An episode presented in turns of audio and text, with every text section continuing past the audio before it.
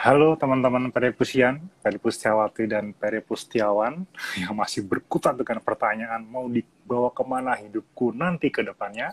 Nah, kami akan ajak teman-teman untuk bergabung dalam sesi curhat-curhatan bersama Mbak Angie Martin. Ini saya sambil menginvite Mbak Angie Martin. Kita invite semoga bisa bergabung dengan lekas segera. Nah, bersama Mbak Angie, hari ini kita akan menggali insight-insight yang sudah Mbak Angie sarikan dari buku The Psychology of Money. Tidak hanya bicara soal teori uang dalam lingkup kebudayaan yang itu sangat berat sekali. Nah, rasanya Morgan Housel dalam bukunya itu punya paradigma yang menarik dan asik tentunya. Apa yang nanti beliau mau tularkan lewat bukunya itu soal daya agar kita tidak lemah di hadapan uang. Ini Mbak Angie, request to join, saya akan accept. Nah, dalam semoga dalam hitungan secepat mungkin kita bisa menerima kita bisa bergabung dengan Mbak Enji. Halo Mbak Enji.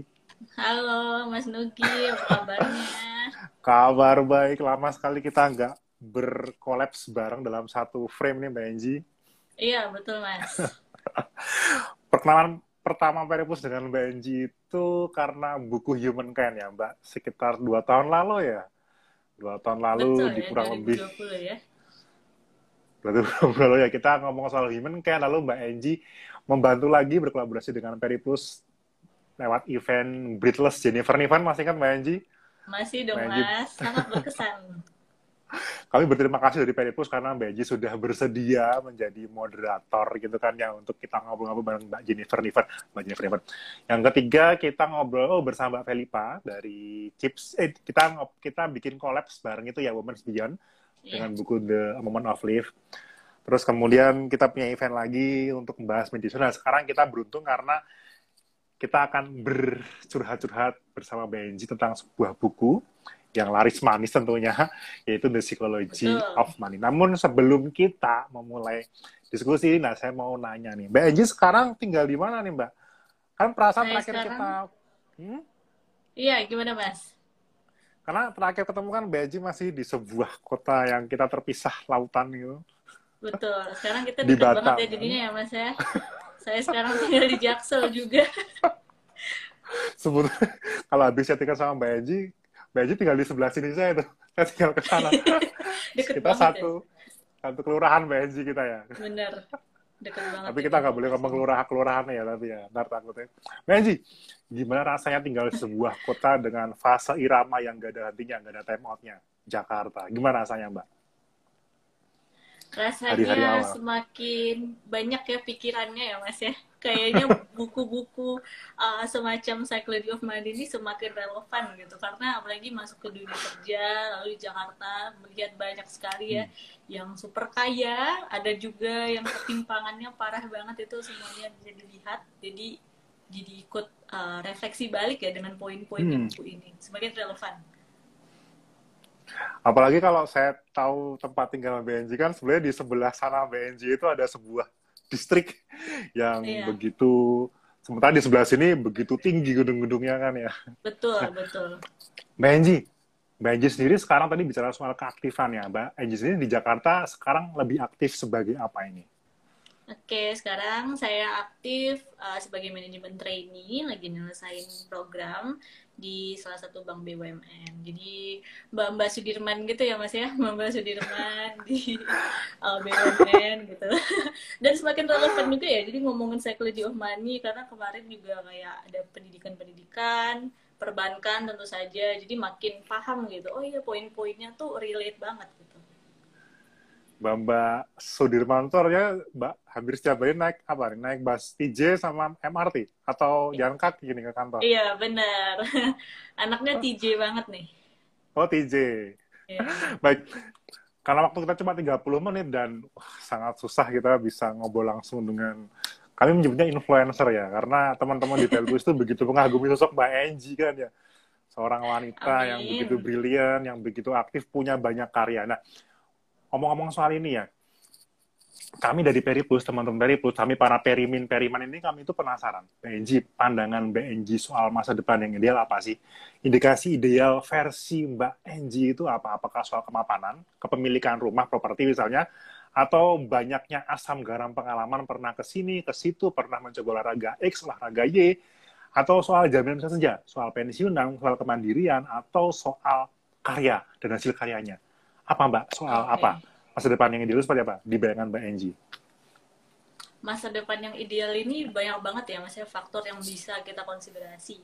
Yang pertama tentu saja kalau ideal itu kemapanan terutama dalam hal wealth ya. Jadi kekayaan bukan hanya kekayaan yang bentuknya adalah uang gitu tapi juga uh, kesehatan lalu juga ilmu pengetahuan menurut aku tiga hal itu penting sekali karena uh, juga tidak bisa dipungkiri kalau misalnya kita tidak punya kekayaan yang bentuknya. Misalnya uang itu akan susah juga ya membuat kita hmm. itu misalnya ilmu pengetahuannya banyak uh, sudah mulai mengarah ke sana lalu kita sehat. Tapi kalau tanpa uang juga sepertinya agak sulit untuk mencapai apa yang ingin kita capai gitu. Karena tentu saja itu adalah salah satu alat.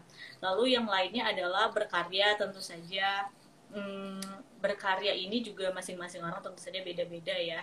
Karya itu juga menurut saya penting dan yang paling paling paling penting adalah menurut saya hubungan yang baik dengan keluarga dan dengan orang-orang e, di sekitar kita sehingga kita itu secara internal juga ada rasa damai gitu mas karena percuma hmm. nih uangnya banyak pengetahuannya banyak lalu juga misalnya terus berkarya tapi tidak ada meaningful hmm. relationship dengan orang-orang di sekitar kita sepertinya akan menjadi hal yang uh, menakutkan ya karena misalnya menjalani hidup sendiri tanpa meaningful relationship.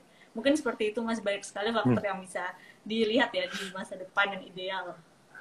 Menarik ya karena yang digaris bawahi atau menjadi fondasi awal adalah relasi dengan keluarga. Artinya orang yang saya pribadi kan sudah cukup lama tinggal di Jakarta gitu kan, bukan sebagai anak Jakarta, tapi di sini saya tinggal tanpa keluarga kan, kasarnya seperti itu kan, tidak dekat dengan keluarga apa yang disampaikan Mbak Yanji itu barusan langsung kenal ya juga ya. Saya sudah lama tidak berkontak dengan keluarga-keluarga dekat saya di sini gitu kan ya. Oh ternyata matters banget ya untuk versi apalagi kan saya melihat Mbak Yanji sebagai generasi apa ya digital native ya kalau pakai teorinya gitu ya kita digital native kan ya. Dan tadi sempat menyebutkan soal uang gitu kan ya. Uang sebagai tools bukan tujuan sebagai tools artinya Mbak Yanji sudah punya falsafah hidup lah. Nah, kita masuk nih ke soal literasi nih. Beji sendiri, pas tadi ngomong soal uang, saya langsung terpikir, buku yang kita akan bahas hari ini, The Psychology of Money. Beji punya alasan apa sih tertarik memilih buku itu? Karena saya melihat di salah satu postingan Benji itu, Benji beli buku itu ya di peripus.com. Lalu kemudian mempostingnya, lah. alasannya apa Mbak? Oke, okay yang membuat saya tertarik ya Mas ya membaca buku The uh, Psychology of Money ini karena populernya ya. Jadi saya ngelihat kayak following following saya teman-teman saya yang suka baca buku juga baca buku itu. Terus saya ngelihat bahwa ada juga nih hal-hal yang berhubungan dengan masalah uh, personal tentu saja ya. Kenapa ya selama ini misalnya hubungan saya dengan uang tuh masih belum sehat. Terus saya apalagi masuk ke dunia perbankan. Jadi kayak banyak hal yang saya rasa oh bisa nih relevan dengan buku itu. Dan lagi bukunya itu menganalisis psikologinya ya. Jadi bukan tentang hmm. ekonominya. Kalau tentang ekonominya kan saya udah seneng banget ya belajar ilmu ekonomi uh, terutama bagian politiknya. Tapi kalau yang bagian personalnya menurut saya wah ini butuh dibaca oleh semua orang ya. Bukan cuma orang yang suka dengan ilmu ekonomi itu sendiri. Jadi saya mulai baca itu dari dari review-review teman. Terus saya lihat juga di Periplus itu bestseller. Jadi akhirnya saya memulai baca buku itu. Tahun 2021 ya kayak ini. Ya saya melihat di tahun ini Mbak Anji begitu banyak mengumpulkan buku. Termasuk bukunya The Skill Michelle Hussein yeah. itu kan. Karena buku-buku bagus Mbak Anji itu kalau kita lihat di Instagram Mbak Anji itu Mbak Anji begitu begitu bangga menunjukkan buku-buku pilihannya. Karena buku-buku pilihan BNJ itu ya Salto Ngasih itu sebenarnya buku-buku yang banyak dicari di Periplus gitu kan ya dan, dan itu membantu teman-teman banyak orang lain tuh loh banyak pecinta buku lain. Nah, Mbak setidaknya kan dua tiga tahun belakangan ini ya itu beragam aplikasi terkait pengelolaan uang tadi uang sebagai tools tadi mulai bermunculan. Awalnya emang aplikasi itu lebih soal pinjaman atau ya pay later gitu kan ya atau kita bilangnya juga pinjol. Orang bisa minjem uang lewat dengan modal KTP, jadi KTP. Lalu perlahan beragam tawaran untuk masuk ke ranah investasi, investasi. Misalnya aplikasi untuk main di pasar saham.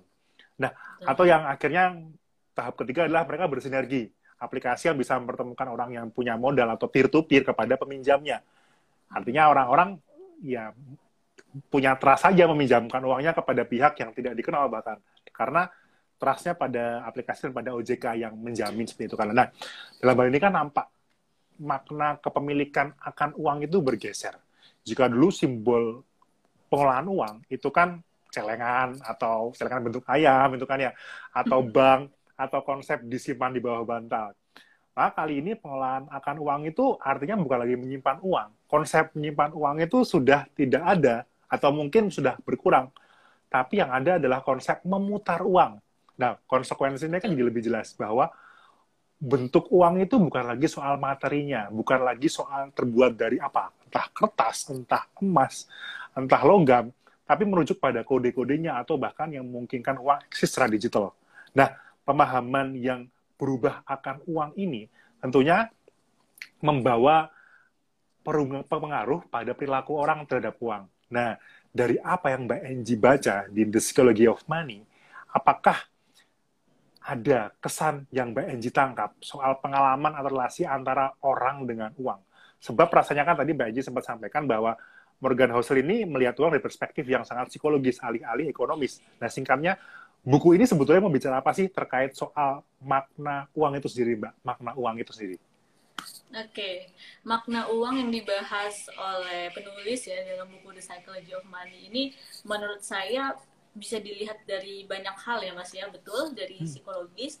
Uh, tapi dia juga sebenarnya menggarisbawahi konsep-konsep yang sangat simpel. Jadi sebenarnya kalau kita baca buku ini tidak harus orang yang sudah tahu tentang finance gitu yang uh, mau baca. Ya mungkin ada beberapa story yang ceritanya itu berkaitan dengan uh, investasi. Tapi orang-orang yang seperti biasa ya kita kita yang menggunakan uang sehari-hari ya manusia pada umumnya itu bisa relate juga dengan cerita itu. Nah, menurut saya di sinilah Morgan Housel melihat bahwa kaitan antara uang dengan manusia itu sangat-sangat berpengaruh itu atas dasar psikologis. Jadi bukan mengenai oh ilmu ekonominya dia paham atau tidak. Paham sih mungkin iya ya, tapi seperti yang sering dibahas dalam story-storynya, bahkan orang-orang yang sangat kaya sekalipun tiba-tiba bisa gagal gitu dalam hidupnya karena uh, salah persepsi mengenai uang atau selama ini persepsinya itu sangat uh, berpengaruh atas misalnya apa yang dia lihat dari orang lain dan bukan dari apa yang ia perlukan atau apa yang ia butuhkan sebagai uh, seorang diri manusia gitu. Nah jadi dari situ menurut saya yang konsepnya ini simple banget ya, tapi bener juga ya apa yang dikatakan. Uh, walaupun bisa aja ya, saya pernah mengkritik buku ini juga sebenarnya mas. Jadi uh, beberapa hal itu sangat-sangat oversimplified sebenarnya ya. Apalagi saya sebagai anak ini ya, ilmu politik uh, ekonomi gitu ya internasional. Jadi pengennya tuh ngelihatnya loh kok ini nggak nggak apa ya nggak uh, benar-benar dilihat aspek-aspek lainnya. Jadi mungkin yang memang harus diperhatikan adalah penulis ini menuliskannya untuk orang-orang yang ingin belajar personal finance secara dasar dulu jadi secara psikologisnya itu seperti apa? Dan mungkin hal-hal simple yang mungkin orang pikir ah ini klise. Tapi sering sekali kita lupakan ya mungkin ada bias-bias kognitif kita gitu ya. Sehingga kita melihat uang ini sebagai sesuatu yang oh sangat menentukan tapi dasarnya sendiri kita belum belum ada gitu.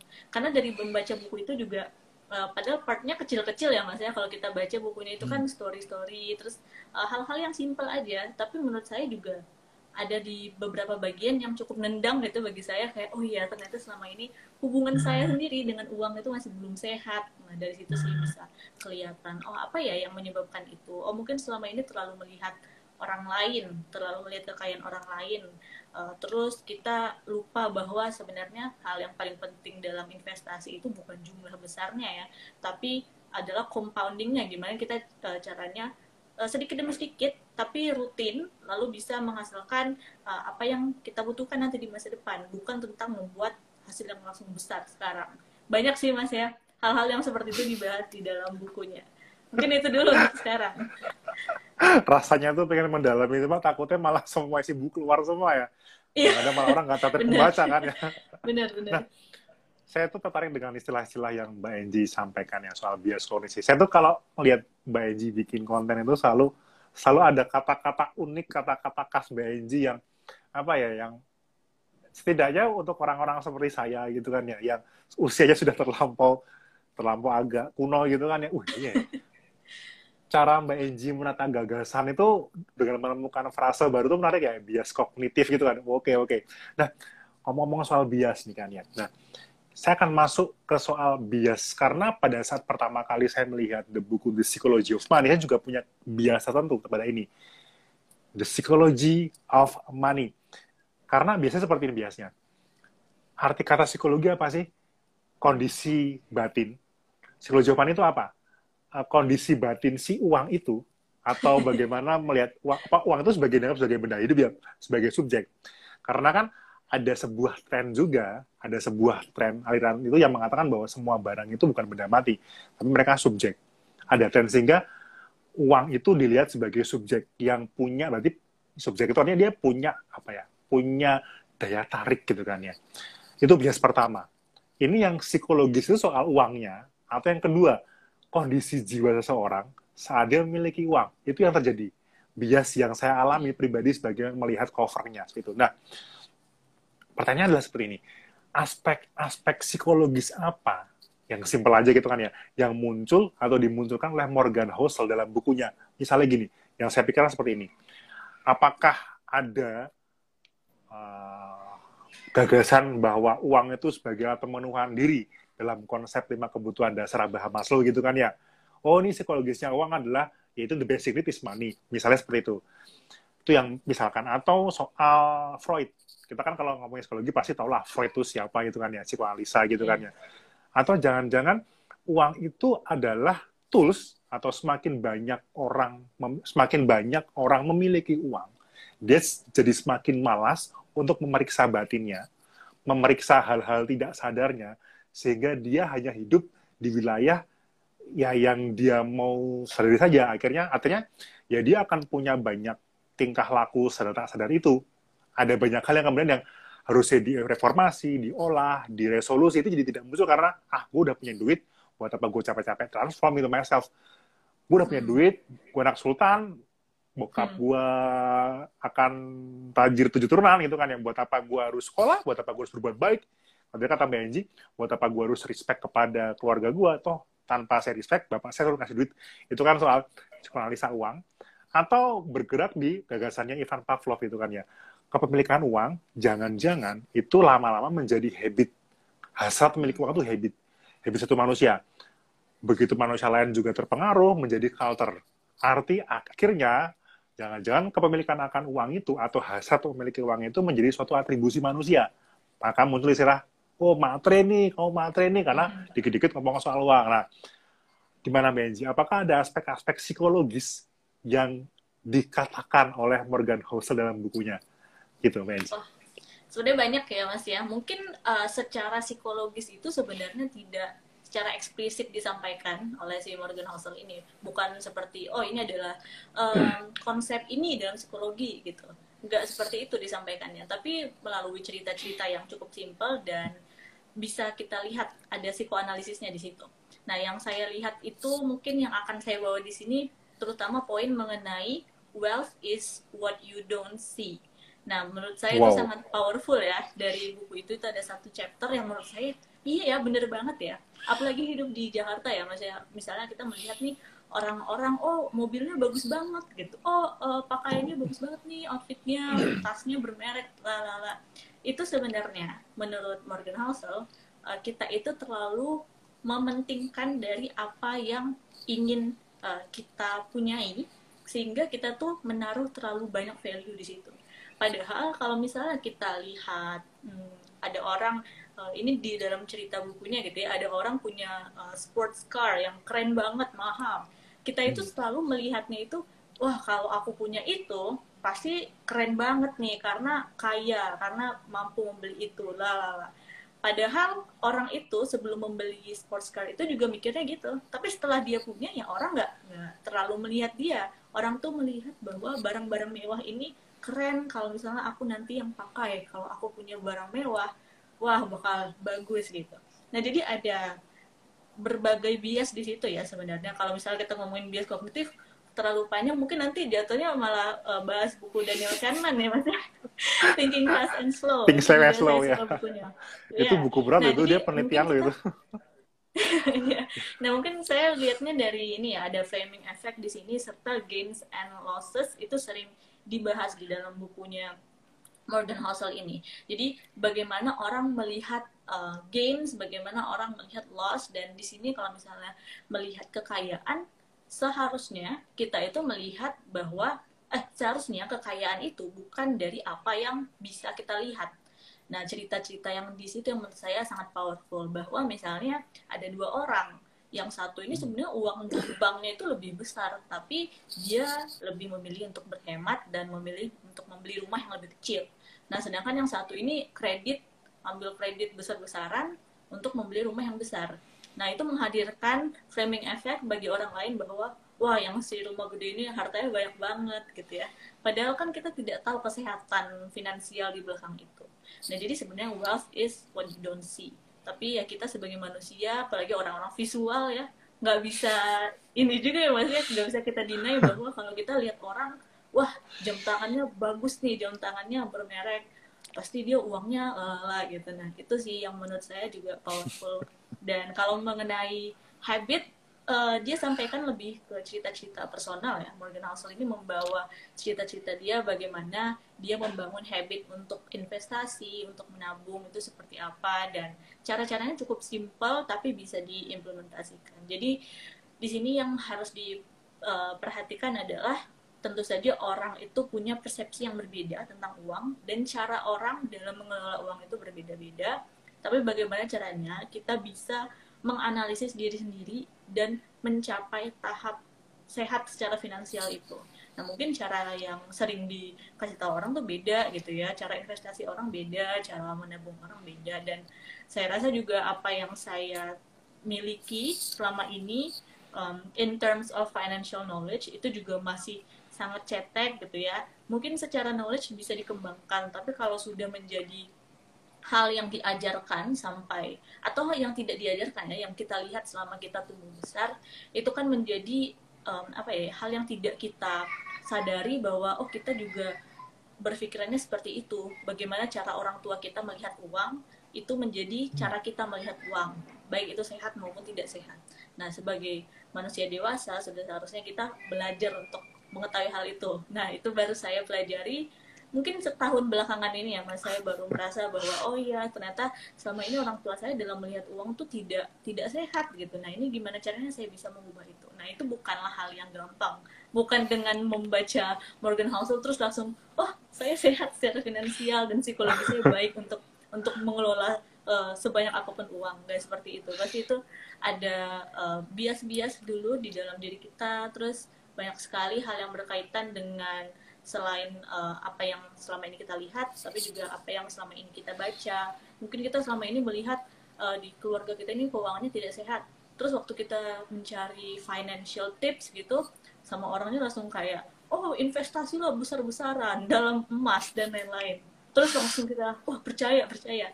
Nah itu juga in terms of knowledge harus bisa dikembangkan. Jadi emang psychology of money ya berkaitan dengan bagaimana kita melihat uang dan itu tidak ada yang sama antara satu manusia hmm. dengan manusia yang lainnya. Menurut saya itu sih mas hal yang perlu ya. dilihat dari buku ini ya. Menarik loh, tadi muncul lah ya. Ingat ngobrol sama Mbak Enji itu penambah perbendaharaan kata loh. Tadi muncul istilah menarik loh, Mbak Sendi, Mbak Enji nggak atau nggak nggak ya. Kita menganalisa diri itu kan, wow. Itu kan istilah yang menurut saya, wow, ya juga ya alih-alih orang berbicara soal refleksi diri, introspeksi diri, ini ngomong soal analisa diri gitu kan ya. Ini kan kelihatan kelihatan analisa diri kan kalau kalau kalau muncul dari Mbak Enji itu terdengar di saya karena setidaknya saya tahu Mbak Enji juga lulusan HUGM Mbak ya dengan pengalaman berorganisasi yang sangat-sangat mendunia ya pernah di luar negeri juga. saya apa negaranya apa. Wih, bagi Mbak itu biasanya bagi orang-orang seperti kami yang belum pernah menginjakkan kaki keluar Indonesia itu kayak wow, it's very, very brilliant gitu kan ya. Nah, konsep analisa diri itu kan berarti ada sesuatu yang di luar diri kita. Ya, kita anggaplah dari buku itu, The Morgan, uh, Morgan Housel punya insight. Uh, kita kita suk kita tertarik dengan kata-kata tadi uh, soal kesejahteraan itu apa sesuatu yang tidak bisa kita lihat atau kalimat yang kita cintai yang kita mengesan buat kita kita ambil lalu kita gunakan sebagai apa ya pisau bedah untuk menganalisa diri memecah diri kita melihat bagian-bagian mana yang bisa saya ubah. Nah, makanya di buku ini ada kata-kata grit kan ya. Atau apa soal keserakahan itu ya. Kan banyak teman-teman yang dipikir adalah soal apa? Ngomong soal duit investasi adalah pengen ngomong soal bagaimana aku bisa punya duit di masa tua tanpa harus bekerja. Akhirnya banyak orang bicara soal ini mumpung lagi bagus nih sahamnya, beli beli beli beli. Oh ini obligasi lagi tinggi bunganya, beli beli beli beli beli. Oh pakai deposito di bank ini, bank itu. Sehingga uh, motivasi orang untuk apa ya berinvestasi atau mengelola uang itu bukan motivasi bahwa di hari tua nanti aku akan hidup mapan, tapi akhirnya motivasi soal keserakahan. Gitu hmm. Ini namanya serakah karena yang kamu cari adalah apa sih saham yang paling laris apa, yang paling cari dong saham yang paling murah apa satu lotnya gitu loh. Nanti kita beli banyak, pasti melambung tinggi seperti orang beli Tesla waktu itu atau orang main Bitcoin atau uh, cryptocurrency hmm. seperti itu. Kalau lebih keserakahan kan ya, alih-alih ngomong soal berbijak terhadap uang seperti yang tadi Mbak Eji katakan, ini lebih ngomong soal ya kalau nggak hati-hati orang bisa jadi greedy, jadi benar serakah.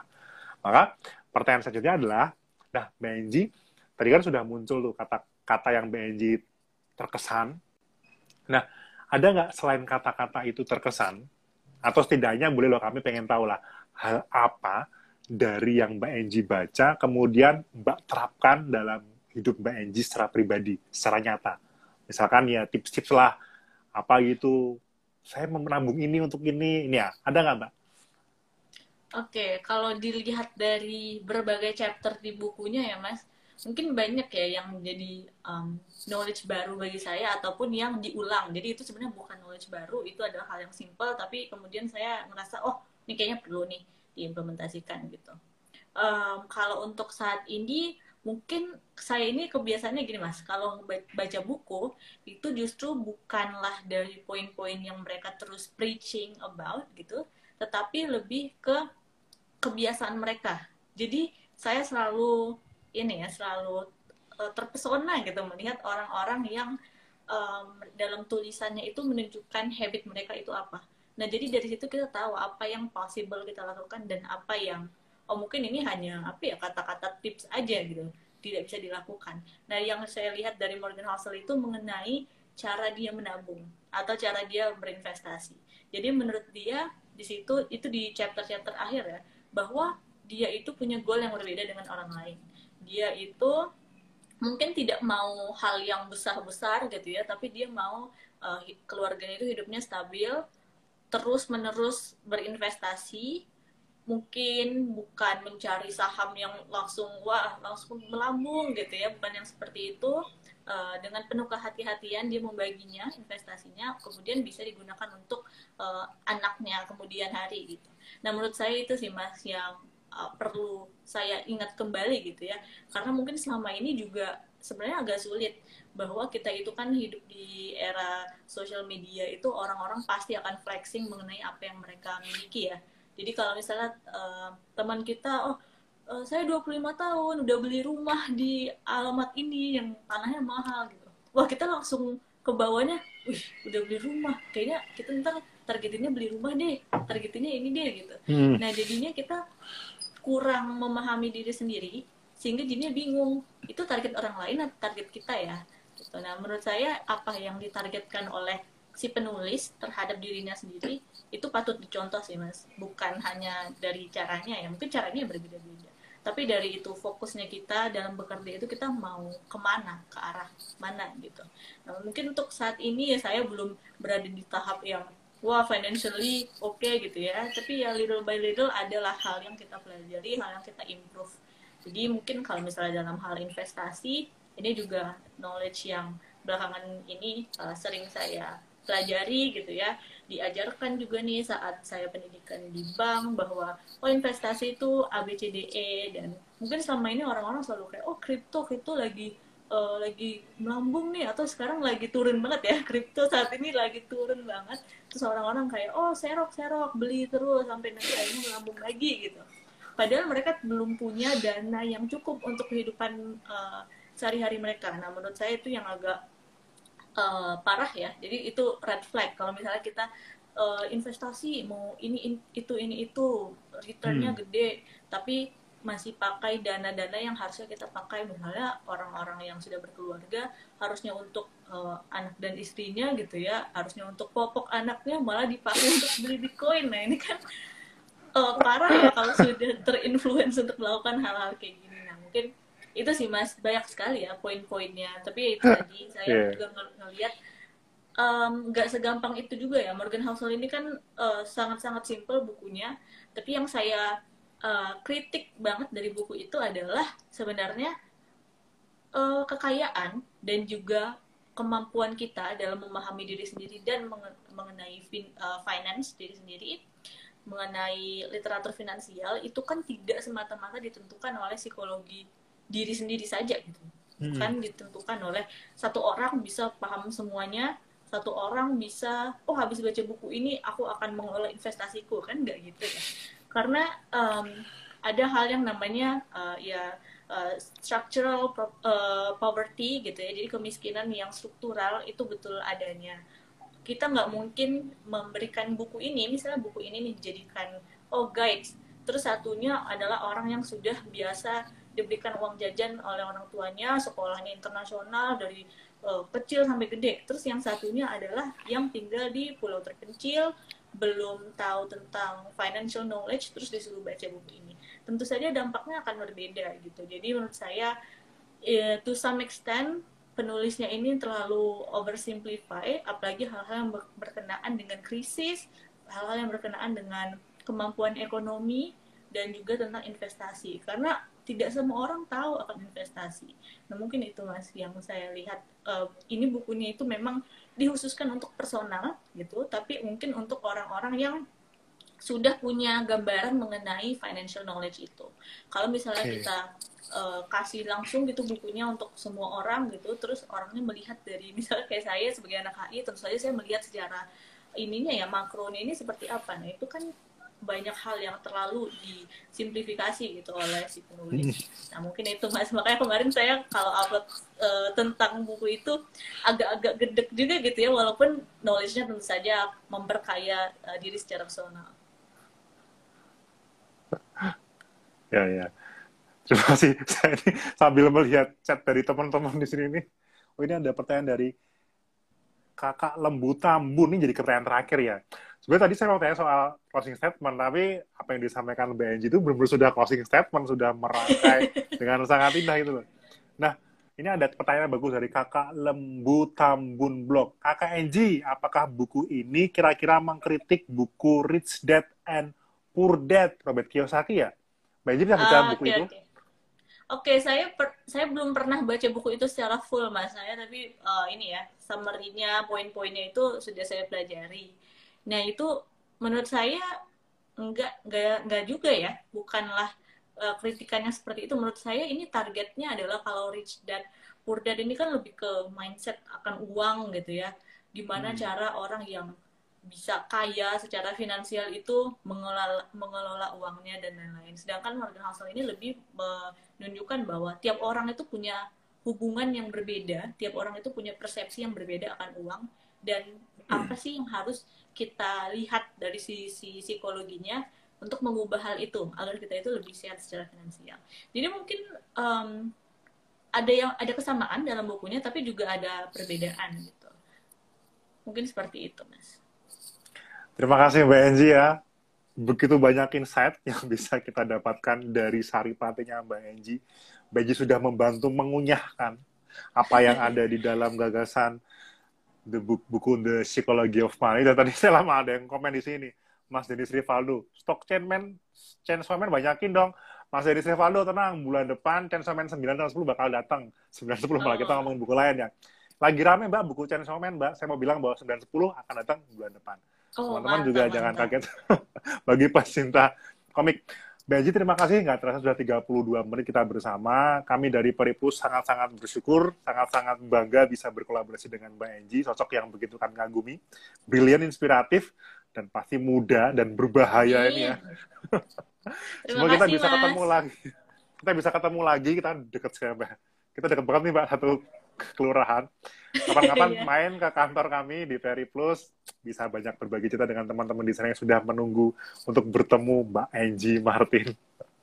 Oke, terima kasih Mas Nugi. Salam sehat. Ya. Teman-teman sehat. Pelepustawan, Pelepusian, Pelepustiawan, Pelepustiawan, terima kasih untuk bergabung bersama acara kami bersama Mbak Enji. Kita sudah mendapatkan banyak gambaran atau banyak gagasan. Kita ketemu lagi di episode yang lain untuk IG Live. Di kesempatan yang lain, jangan jangan ragu bahwa kami Hmm. akan terus mengadakan acara-acara yang lebih seperti ini. Terima kasih Mbak Enji, terima kasih teman-teman. Acara akan kami tutup dalam 3, 2, 1 ya. Thank you Mbak Enji. Terima Dadah. kasih. Sampai ketemu.